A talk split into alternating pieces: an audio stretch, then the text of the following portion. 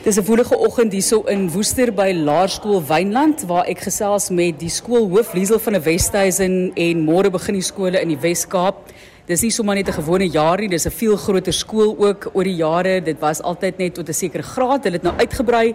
Liesel, vertel vir my 'n bietjie, julle is nou by 1060 kinders by hierdie laerskool. Dis korrek ja. Ons het begin by 'n klein skooltjie van net graad R tot graad 3 en elke jaar uitgebrei totdat ons nou 'n volle laerskool is tot by graad 7.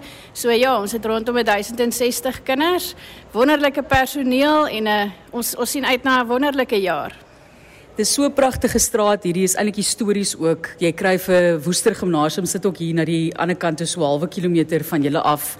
En die pragtige ou geboue en argitektuur hierso, soos ek sê, histories. Vertel vir ons 'n bietjie van die gemeenskap wat na julle laerskool toe kom. Is dit baie divers hier van die omgewing?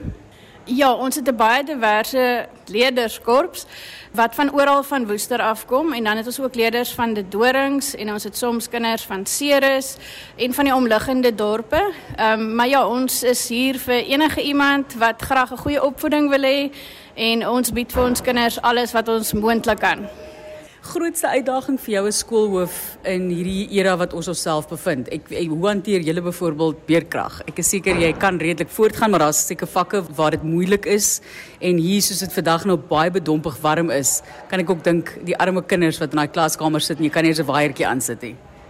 Ja, beerdkrag is vir ons 'n enorme uitdaging, maar ons het oor die jare geleer dat ons net moet, as ek die Engelse woord resilient kan wees en ons kan enigiets oorkom. So ons het met COVID gemaak wat ons kon en en ons het deurgekom en deurgedruk. So nou doen ons maar dieselfde met die beerdkrag en ons kyk maar watter ou metodes ons som, soms kan gebruik om ons kinders net verder op te voed en te leer en ook dankbaar te wees vir al die klein dingetjies soos elektrisiteit wat ons net net sommer net aanvaar. Liesel baie sterkte vir die jaar wat voorlê. Dink aan julle en dankie vir die belegging in die toekoms van ons land met die opvoeding en die feit dat julle bereid was om uit te brei en die groot groot groot taak wat jou bande het. Sterkte vir die jaar wat voorlê. Baie dankie.